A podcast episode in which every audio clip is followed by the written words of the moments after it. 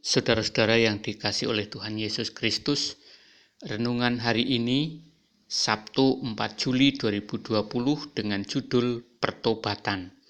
Bacaan kisah para rasul pasal 11 ayat 18b demikian. Jadi kepada bangsa-bangsa lain juga Allah mengaruniakan pertobatan yang memimpin kepada hidup. Saudara, pertobatan membawa kita kepada kehidupan.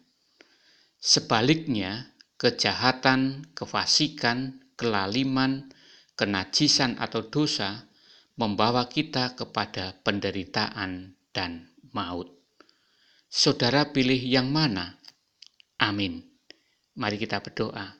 Mampukan kami ya Tuhan untuk senantiasa hidup dalam pertobatan. Amin.